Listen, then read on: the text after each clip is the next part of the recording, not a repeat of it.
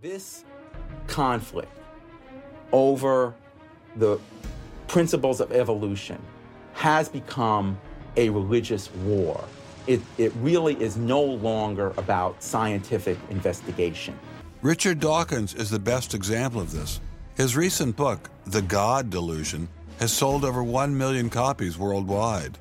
The God Delusion is uh, my long expected, long worked on full frontal attack on religion. To me, science is about trying to explain existence, and religion is about trying to explain existence. It's just that religion gets the wrong answer. But is Dawkins correct? Are science and religion really at war? Oxford professor Alistair McGrath, author of The Dawkins Delusion, seemed like the ideal person to answer my question.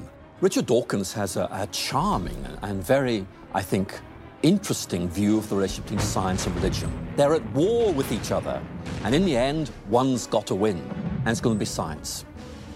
It's a very naive view. It's based on a complete historical misrepresentation of the way science and religion have interacted. Dawkins seems to think that a scientific description is an anti religious argument. Describing how something happens scientifically somehow explains it away. It doesn't. But the questions of purpose, intentionality, the question why still remain there on the table. And I think it was just a, a catastrophic mistake to have someone like Dawkins uh, address himself to profound issues of theology, the existence of God, the nature of life. He hasn't committed himself to disciplined study in any relevant area of inquiry. He's a crummy philosopher. He doesn't have the rudimentary skills to, to, to meticulously assess his own arguments. Genius guy, though. Very smart guy. A little bit of a reptile, but a very smart guy. The opposing point of view in this conflict rests on a fundamentally different vision of man.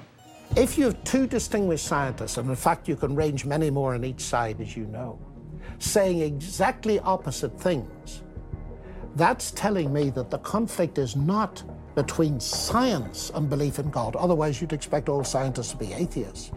But it's a worldview conflict. It's between scientists who have different worldviews. You've got two competing explanations of the evidence. One says design, one says undirected processes. Both of them have larger philosophical or religious or anti religious implications. So you can't say that one of those two theories is scientific and the other is unscientific simply because they have implications. Both have implications. People who tell you, for example, that science tells you all you need to know about the world, or that science tells you that religion is all wrong, or science tells you there is no God, those people aren't telling you scientific things. They are saying metaphysical things, and they have to defend their positions for metaphysical reasons.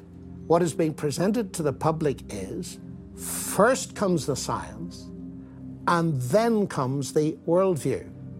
I would want to argue that that may not be the case, that it may actually be the other way around, that the worldview comes first and is influencing the interpretation of science. My deep regret is some people are so deeply entrenched in their own worldviews that they will simply not countenance alternatives. I'm actually a person of the left um, and not even a particularly religious person. I think of myself as kind of humanist. And I think it's sending a very bad message to religious people who are interested in science. That in some sense, in order to do science credibly, they have to leave their religious beliefs at the door.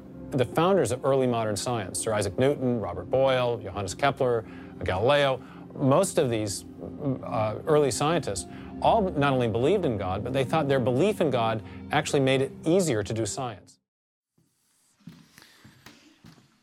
Een heleboel uitspraken in een paar minuten.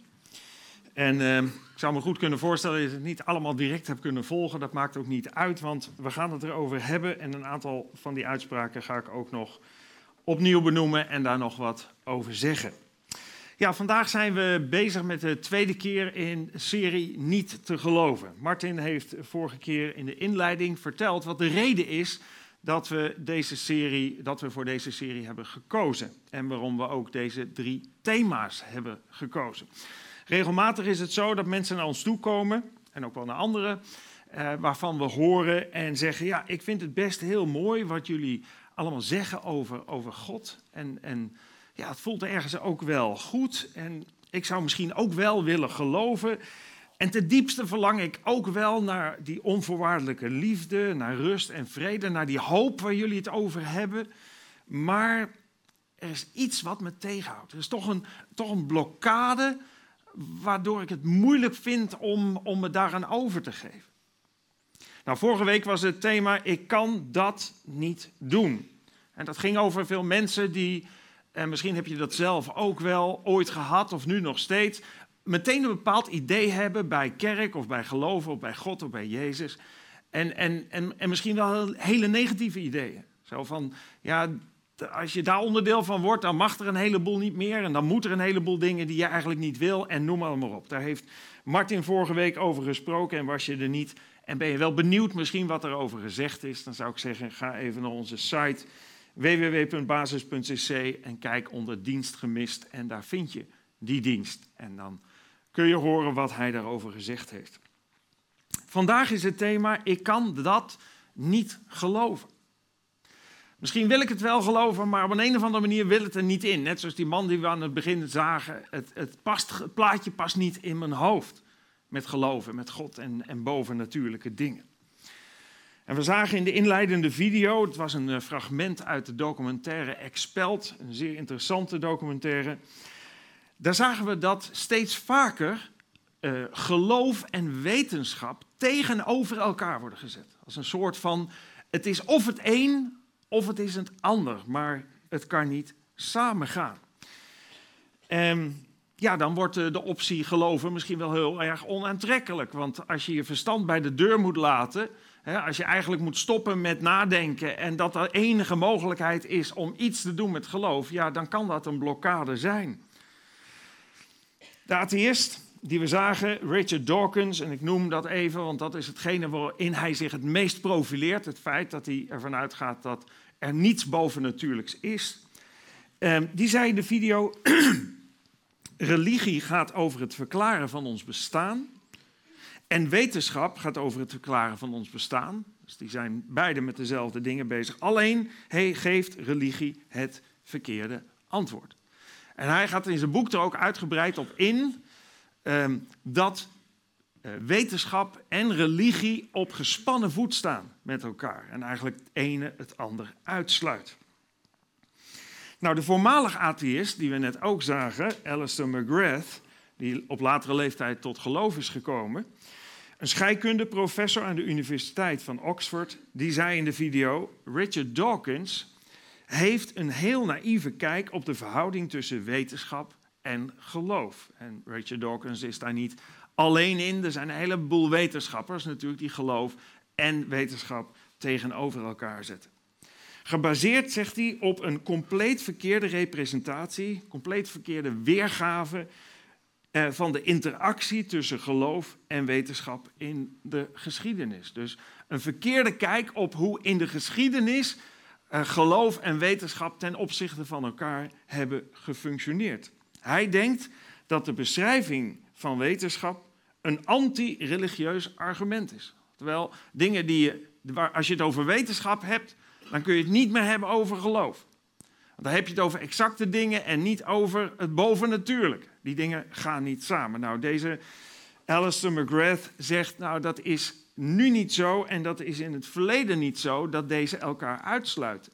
En in de video werd, werden ook een paar namen genoemd van gelovige wetenschappers, dus mensen die hun geloof en de wetenschap heel nadrukkelijk combineerden. Bijvoorbeeld Isaac Newton werd genoemd, Blaise Pascal werd geloof niet genoemd, maar is wel een voorbeeld van Galileo, Robert Boyle, Johannes Kepler, Louis Pasteur. Het zijn allemaal gelovige wetenschappers. Dus mensen die wel degelijk in het verleden die koppeling lieten zien. En je kunt ook niet zeggen, ja dat was toen en dat is nu niet meer zo, want nu is dat net zo.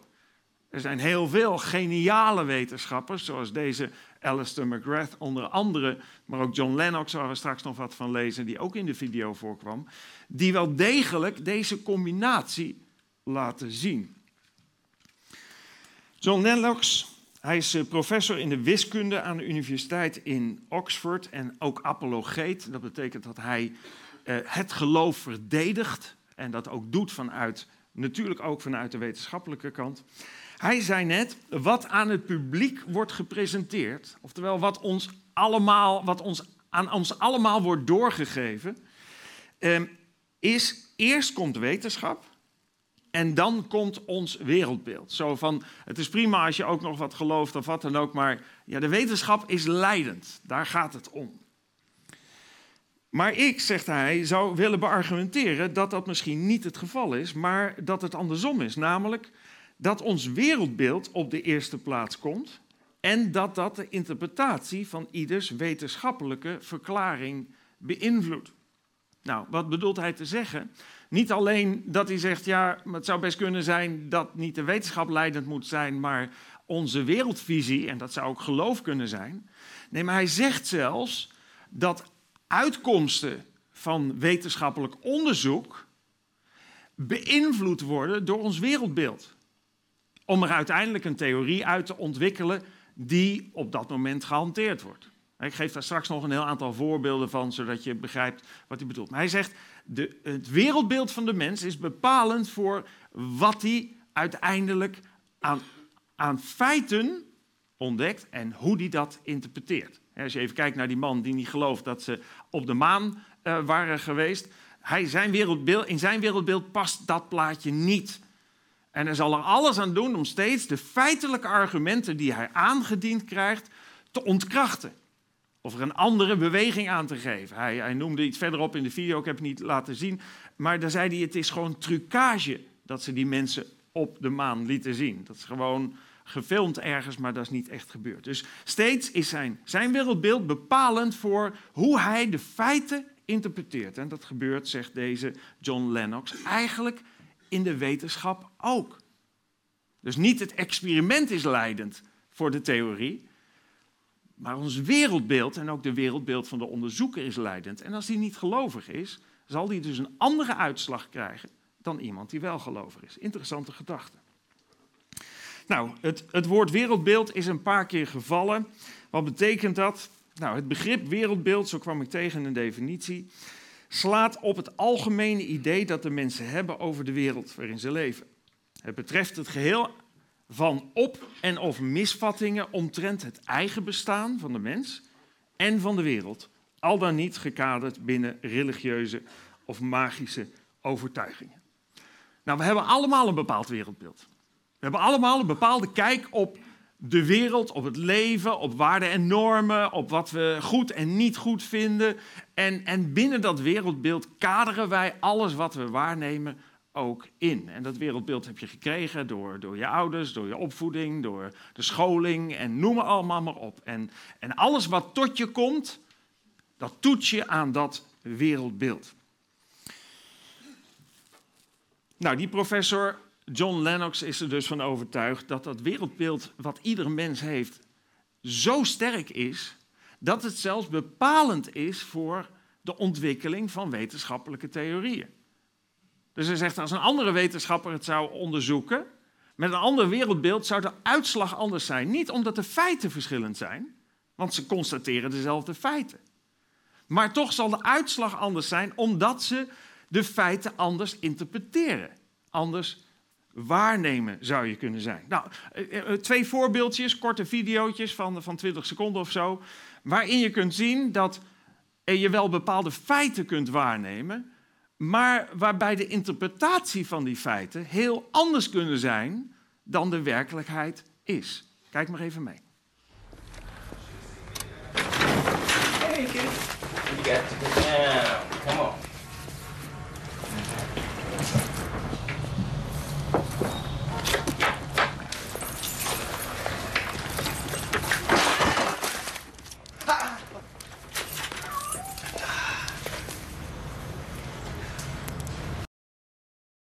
Has a fractured fibula.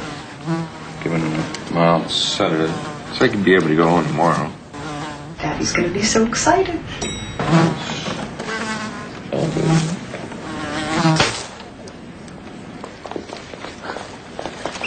That killed him.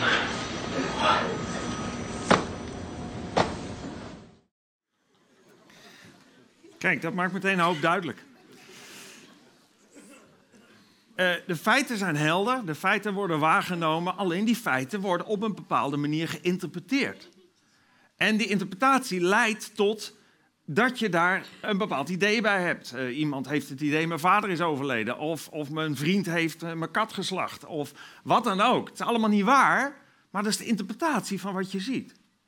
Nou, zo is ons wereldbeeld ook heel bepalend in hoe we feiten interpreteren.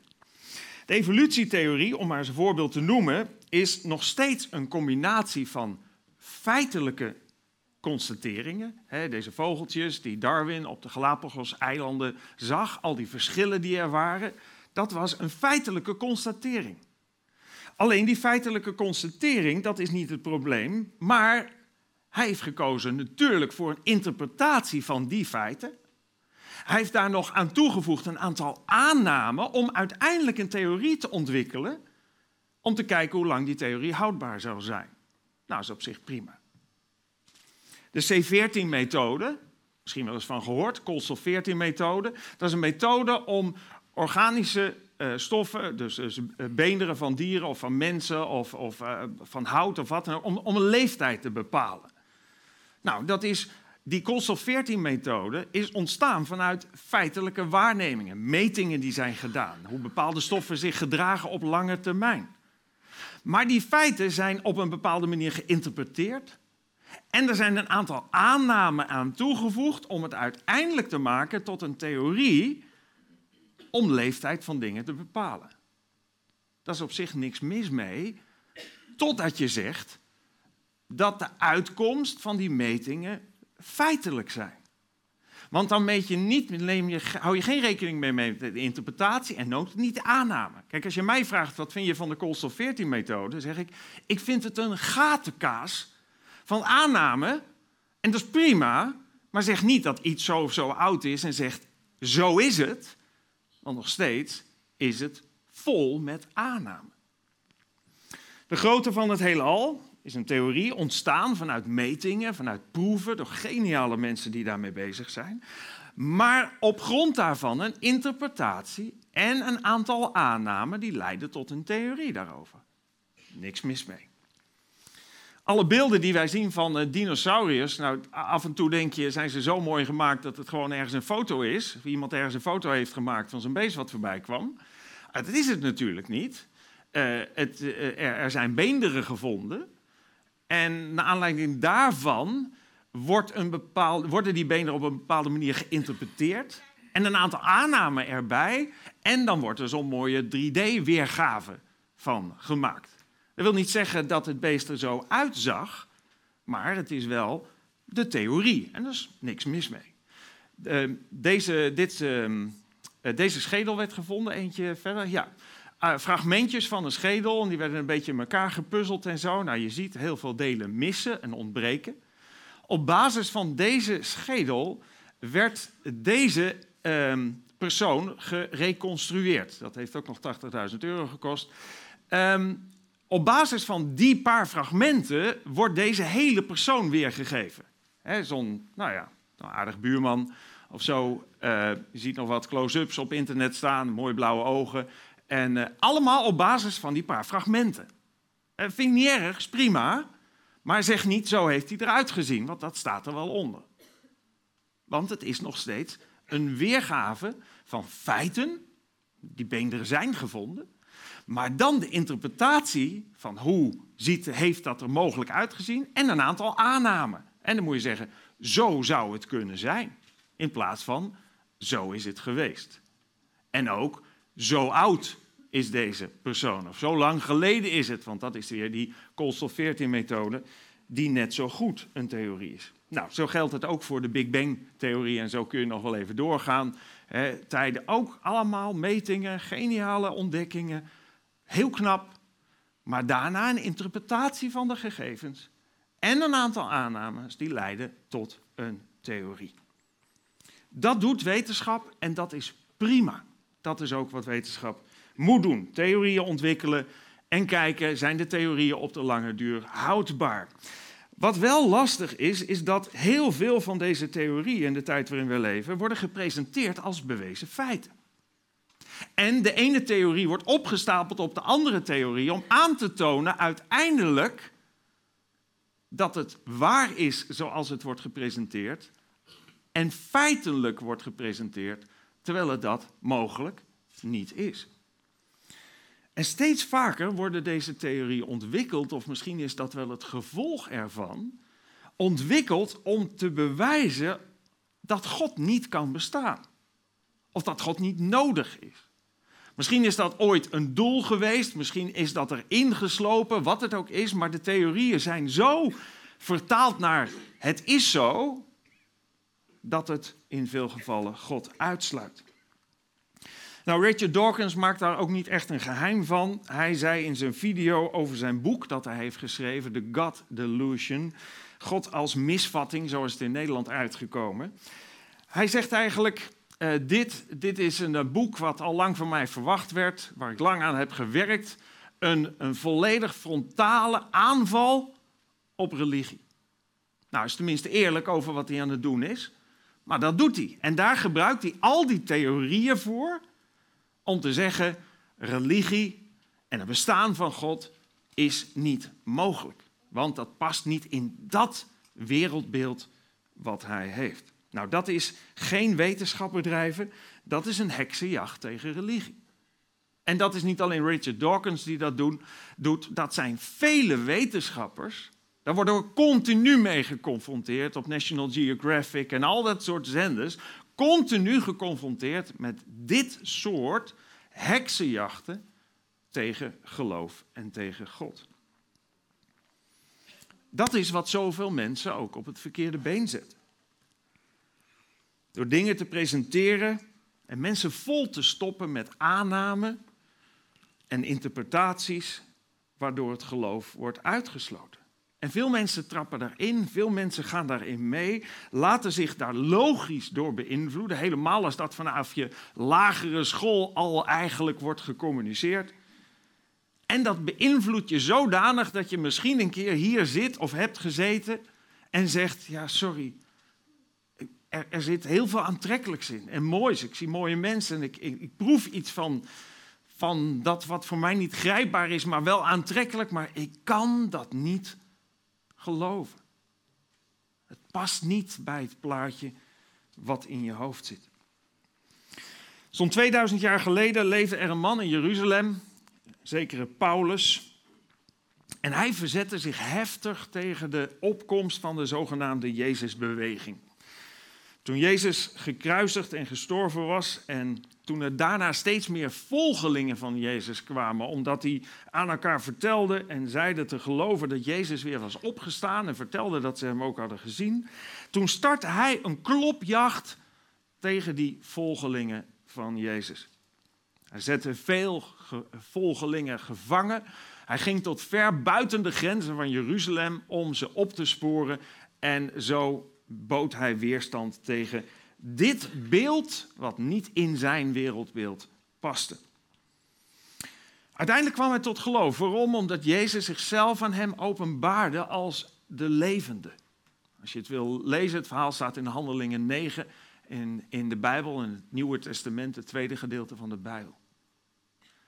En hij kwam tot geloof en werd een van de grootste voorvechters van het geloof. Sterker nog, meer dan de helft van de teksten uit het Nieuwe Testament bestaat uit brieven die hij heeft gestuurd aan kerken die hij heeft gesticht. En waarin hij uitleg geeft over, over theologie en over, over wat geloof inhoudt. En wie Jezus was en is. In zijn tijd had hij veel last van mensen die er alles aan deden om God en Jezus te ontkennen en die opzettelijk leugens verspreiden. Terwijl ze eigenlijk, zo zegt Paulus zelf, Paulus zelf in de tekst die we zo lezen, ten diepste konden weten dat God bestaat. En de enige logische verklaring is voor het ontstaan van het leven. Maar zo omschrijft hij, ook lezen we op andere plekken in de Bijbel, het is de hoogmoed van de mens die ervoor zorgt dat God wordt ontkend en niet mag bestaan. Het feit dat als God wel bestaat, dat we er ook rekening mee moeten houden. Als God echt bestaat, dan zijn zijn waarden en normen leidend. En zouden leidend moeten zijn in ons leven. En als we dat niet willen, als we autonoom willen zijn, auto betekent vanzelf en nomos betekent wet. Als we zelf de wetten willen bepalen, dan kunnen we God daar niet bij gebruiken.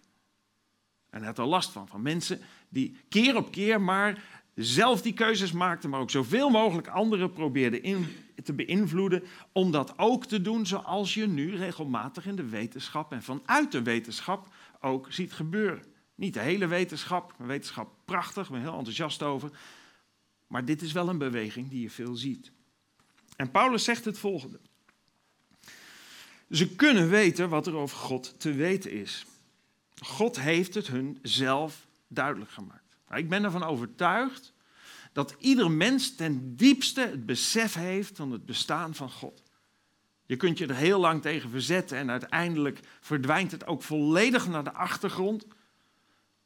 Maar in eerste instantie is dat besef bij iedereen aanwezig.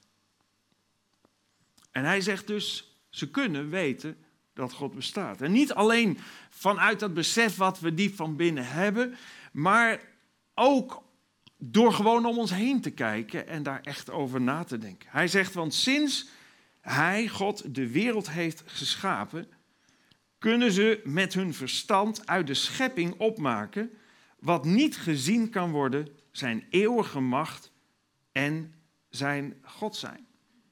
Dus de eeuwige macht en het feit dat God God is, wat niet zichtbaar is, maar dat kan wel gezien worden. Kijk om je heen, zegt hij. Kijk naar de schepping. En we, en we ontdekken steeds meer daarvan. We komen steeds, steeds dieper in de kennis van de materie. En eigenlijk zou je in alles God kunnen herkennen, tenzij je het niet wilt herkennen. En dat is de beweging die hij ook ziet maken. Maar iedereen zou het kunnen herkennen. Ik sprak van de week iemand en die zei: Ik heb een periode gehad dat ik de keuze maakte om echt onderzoek te gaan doen. Om eens en voor altijd aan mijn vrienden te vertellen dat God niet bestaat. En niet kan bestaan. Hij, hij is dat onderzoek gaan doen. En uiteindelijk leidde dat eerlijke onderzoek, waarin hij ook open stond voor de mogelijkheid dat God wel zou bestaan, leidde tot de ontdekking dat God wel degelijk bestaat. Paulus zegt verder, te verontschuldigen zijn ze dus niet. Oftewel, niemand kan zeggen, ik kon dat niet weten, want iedereen kan het weten. Ze kennen God wel, maar geven hem niet de eer die hem toekomt en brengen hem geen dank. Hun gedachten lopen op niets uit en het is donker geworden in hun onverstandige harten. Hoe meer je tegen God verzet, hoe meer je God wil buitensluiten, hoe groter de duisternis in je hart wordt en hoe meer je gaat geloven in de dingen die je zelf hebt gecreëerd. En steeds kom je er verder van af te staan, dat is wat hij zegt. En dan gaat hij verder, zij beweren de wijsheid in pacht te hebben, zeer intelligent te zijn en grootse dingen te ontdekken, maar zij zijn arme dwazen. De waarheid gaat hij verder over God. Hebben zij vervangen door de leugen. Waarom? Nou, dat komt het beste uit als je je niet wil onderwerpen. Als je God niet gehoorzaam wil zijn, als je er helemaal geen zin in hebt om jouw autonomie op te geven. De waarheid over God hebben ze vervangen door de leugen. Ze aanbidden en dienen de schepping in plaats van de schepper. In plaats van de schepper zelf, die gedankt moet worden tot in eeuwigheid. En hij bevestigt dit met een amen. Dus hij beschrijft eigenlijk een situatie die toen zo was en nu eigenlijk ook zo is. Waarin mensen nadrukkelijk het wereldbeeld van anderen proberen te beïnvloeden, zodanig dat je het zicht op de mogelijkheid dat God bestaat, of de zicht op God, kwijtraakt. En dan zeg je logisch, ik kan dat niet geloven. Omdat je hoofd vol zit met een wereldbeeld gecreëerd door mensen die kosten wat het kost God willen buitensluiten. Net zoals Richard Dawkins heel duidelijk, en hij maakt daar geen geheim van, in zijn boek doet. De Wageningse hoogleraar plantenfysiologie, professor Dr. Johan Bruinsma, die zei eens over de motivatie van veel evolutionisten, zoals Richard Dawkins, het volgende. Hij zei, en dan gaat het over hun denken, er mag, er kan en er zal geen God zijn. Dus hoe we ook uitleggen wat het experiment naar voren heeft gebracht, God mag daar geen onderdeel van uitmaken. Die sluiten we uit als optie. En dan gaan we de dingen interpreteren. Het evolutionisme, zegt hij, is geen wetenschappelijk onderbouwde theorie, maar een ideologie waaruit alles wordt geïnterpreteerd. Dus eigenlijk een geloof, het is een wereldbeeld. Hij zegt eigenlijk hetzelfde als wat John Lennox zegt.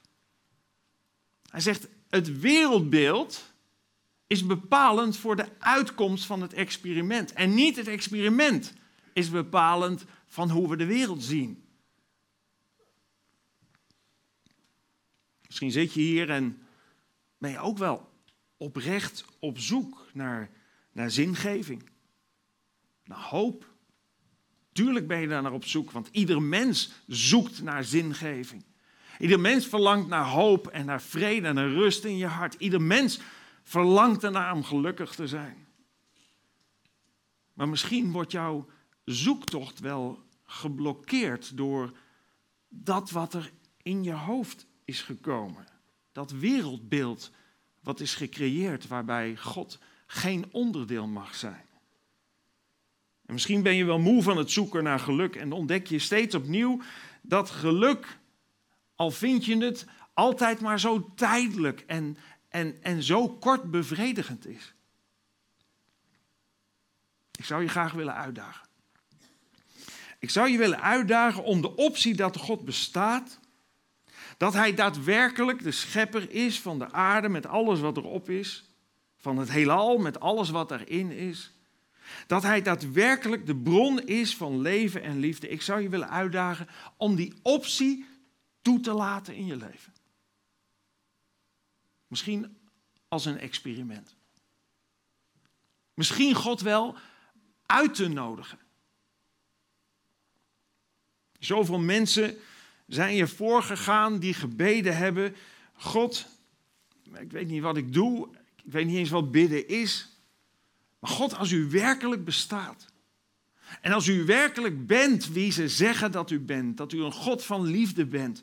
En dat u het verlangen heeft om uw liefde aan mij te geven. Als u werkelijk bestaat, dan wil ik u ook leren kennen. Jaren geleden namen we hier in de basis een video op van Sandra Vos. Als je hier wat vaker komt, dan heb je er ook wel eens op het podium gezien.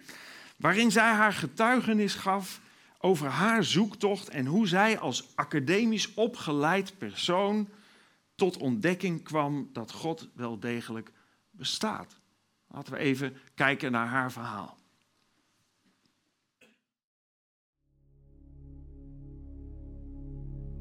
Mijn verhaal over bewijs begon met een briefje. Ik heb heel lang gedacht dat je alleen gelovig kan zijn wanneer ook je ouders gelovig zijn. Bij een kerk dacht ik aan houten banken, een orgel, langdradige preken en veel oude mensen. En dan moest je ook nog eens vroeg opstaan. Nee, ik ging liever op zaterdagavond stappen en op zondag handballen. Op mijn zestiende werkte ik in een supermarkt. Samantha kwam daar ook werken. Ik wist dat ze iedere zondag naar de kerk ging en daar piano speelde. Ze heeft me wel eens meegevraagd, maar dat was toch niks voor mij? Wat moet ik daar? Toch ontstond er een vriendschap tussen Sam en mij en bleken we hetzelfde verlangen te delen, namelijk een wereldreis maken. Ik heb nog getwijfeld of ik wel moest gaan, zo kort na de scheiding van mijn ouders. En moet ik niet eerst mijn studie afmaken? Maar achteraf ben ik blij dat we toch zijn gegaan, want het was het begin van een zoektocht. Onze wereldreis begon eind augustus 2009 in Bangkok. De eerste paar dagen logeerden we bij een christelijk gezin. Ze gingen bidden voor het eten en uit de Bijbel lezen na het eten. Dit was nieuw voor me. Het gekke was dat deze mensen iets moois uitstraalden. Iets waar ik niet goed bij kon. Het maakte mij nieuwsgierig en ik begon vragen te stellen. Een paar dagen later begon ik te lezen in de Bijbel van Sam. Ik wilde de verhalen opfrissen die ik op mijn christelijke basisschool en middelbare school had gehoord. We zouden een half jaar lang op wereldreis zijn en in die tijd moest het Nieuwe Testament me wel lukken, dacht ik zo. Onderweg hebben we veel over het geloof gepraat, maar ik zou het toch nooit gaan geloven. Het bleef vaag en niet tastbaar. Ik heb vaak geroepen: dan moet God het me letterlijk op een briefje geven. Ook naar God heb ik dit uitgesproken.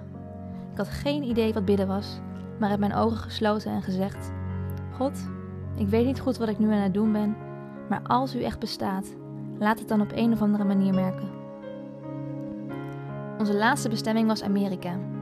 Ondertussen was het geld bijna op. We konden niet eens meer skiën in het skigebied. Dus we zaten vooral op onze hotelkamer. Daar las ik op internet een blog van een vriend van me. Hij kreeg eindelijk de longtransplantatie waar hij al jarenlang op wachtte. Maar een dag later las ik dat hij het niet had overleefd. Het was een moeilijk moment. Je voelt je dan ineens heel ver van huis. S'avonds maakten we gebruik van het lopend buffet in het hotel. Ze hadden er ook een Chinees gedeelte met twee enorme schalen vol gelukskoekjes. Ik pakte er eentje, haal het briefje eruit en las: God will help you overcome any hardship. En daar was mijn briefje van God, waar ik zo vaak om had gevraagd, met precies de juiste boodschap en timing. Hier werd het voor mij persoonlijk. Ik schrok me kapot. Dit moest gewoon puur toeval zijn. En om dat te bewijzen, heb ik nog minstens tien van die koekjes gepakt. Maar geen van die koekjes kwam maar in de buurt van de boodschap die op de eerste stond. Het liefst had ik alle koekjes geopend. Terug in Nederland ben ik meegegaan naar de basis. Er was een band, ik snapte de preek en er waren veel vriendelijke jonge mensen. Mijn argumenten om niet naar een kerk te gaan leken plotseling verdwenen. Ik bleef gaan, maar dacht nog steeds: heel fijn voor die mensen dat er een God is, maar ik heb hem toch niet nodig? Mijn opleiding is leuk, ik heb een lieve familie en leuke vrienden. Mijn leven is prima. Waarom zou daar een God bij moeten? Het was een lastige tijd. Aan de ene kant werd ik blij van een dienst bezoeken en de warmte van de mensen daar. Aan de andere kant snapte ik gewoon niet wat ze geloofden. Daarnaast vroegen mensen uit mijn omgeving of ik niet werd gehersenspoeld op zondag. En omdat ik aan de universiteit studeer, wil ik alles beredeneren, waardoor ik te veel vragen had die mij nog tegenhielden om te geloven wat ik in de kerk te horen kreeg. Ik vuurde heel veel vragen af tijdens de pijlencursus, waarin je samen met andere mensen die nog zoekende zijn, praat over God, Jezus, de Bijbel nog veel meer. De muur van vragen begon af te nemen, doordat ik veel las en met mensen sprak, naar de kerk bleef gaan en gewoonweg buiten om me heen keek. Mijn vragen zijn nooit allemaal beantwoord, maar ik ben wel op een punt gekomen dat ik er niet meer omheen kon. Op een avond ben ik op mijn knieën gegaan en heb bewust de keuze gemaakt om in Jezus te geloven en Hem te willen volgen. Ik werd meteen gevuld door een enorme blijdschap, waardoor ik een week lang heb rondgestuiterd. Dit is mijn verhaal over hoe God mij op een briefje gaf dat Hij bestaat.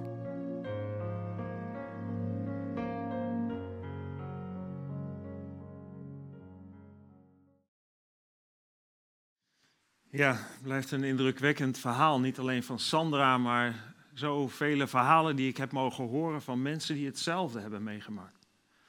Die op zeker moment hun hart hebben geopend voor de mogelijkheid dat God bestaat. Zoek zijn en misschien wel diezelfde uitdaging hebben uitgesproken, dan moet u het me op een briefje geven. Of als u echt bestaat, wilt u het me dan bekendmaken. God heeft er alles aan gedaan om het mogelijk te maken dat zelfs de grootste zondaar, dat zelfs degene die het verst bij hem vandaan is gegaan, met hem in het reinen kan komen. Wat je in je leven ook fout hebt gedaan. Hoe lang je ook hebt geprobeerd God buiten de deur te houden. Gods genade is groter dan je voor mogelijk houdt. In de Bijbel staat een tekst en ik wil met deze twee teksten afsluiten. De eerste staat, God heeft zoveel liefde voor de wereld en vul daar je eigen naam maar in. God heeft zoveel liefde voor jou, voor mij, dat hij zijn enige zoon, dat is Jezus Christus, heeft gegeven. Zodat iedereen die in hem gelooft niet verloren gaat, maar eeuwig leven heeft. Zodat de verbroken relatie tussen God en de mens weer hersteld kan worden. Wie zijn vertrouwen op Jezus stelt, wordt niet veroordeeld.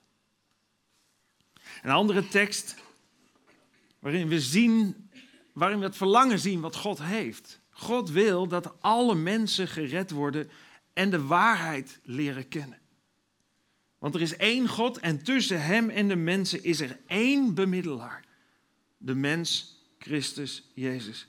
Hij heeft zichzelf gegeven als losprijs voor alle mensen. Voor mijn fouten en mijn tekortkomingen. De dingen die ik zelf niet ongedaan kan maken. Voor ieders fouten en tekortkomingen is Jezus naar deze wereld gekomen. En hij heeft met zijn leven betaald voor onze zonde. En het enige wat Jezus doet is, hij strekt zijn hand naar je uit en zegt, kom, ik wil je graag nieuw leven geven. Ik wil je graag dat geven wat ertoe leidt dat je hoop hebt in je leven. Dat je rust en vrede in je hart ervaart, zelfs als het zo onrustig is en blijft in deze wereld. God verlangt ernaar om een relatie met ons te hebben. En nogmaals, ik wil je uitdagen. Om misschien voor het eerst in je leven tegen God te zeggen: Heer God, als u echt bestaat, wilt u zich dan aan mij bekendmaken? Wil graag voor jullie bidden. Dank u wel, Heere God. Al deze mooie mensen die hier zitten, u kent ons allemaal hoofd voor hoofd. U kent ons leven, onze vragen, onze vreugdevolle momenten, maar ook ons verdriet. Heer, en u wilt daar onderdeel van zijn. U wilt uw liefde aan ons geven. U verlangt ernaar om een relatie met ons te hebben, Heer, en dat is het beste wat ons kan overkomen. Niet alleen Sandra vertelde er iets over. Ik kan daarover vertellen in mijn leven. Zoveel mensen kunnen erover vertellen hoe u een verandering bracht in ons leven. Heer, en u weet dat er ook mensen zijn, en die hier misschien ook zitten, waarvoor ja, voor de dingen die ze hebben geleerd, tot zich hebben genomen, als waarheid hebben aangenomen dat het een blokkade kan zijn, Heer, om zich aan u over te geven. En daarom wil ik u bidden, wilt u, wilt u deze mensen helpen om, om die lastige stap te zetten, om er nu te vragen, Heer, Heer God, als u werkelijk bestaat, wilt u zich dan aan mij bekendmaken? En ik wil jullie allemaal een, mogelijk, een, een moment stilte geven. Waarin je dat voor jezelf in stilte kunt doen als je dat wilt. En als je dat nog nooit eerder hebt gedaan.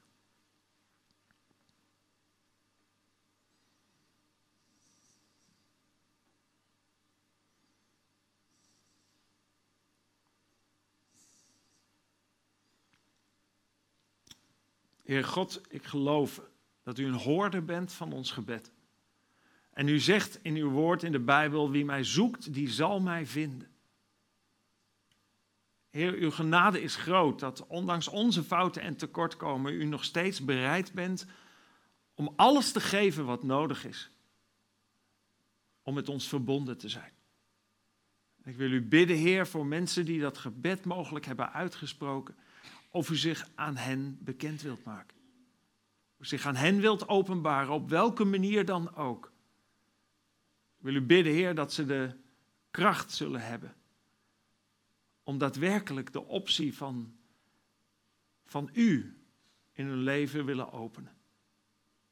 Heer, raak hun harten aan door uw Heilige Geest, zoals u dat alleen kunt.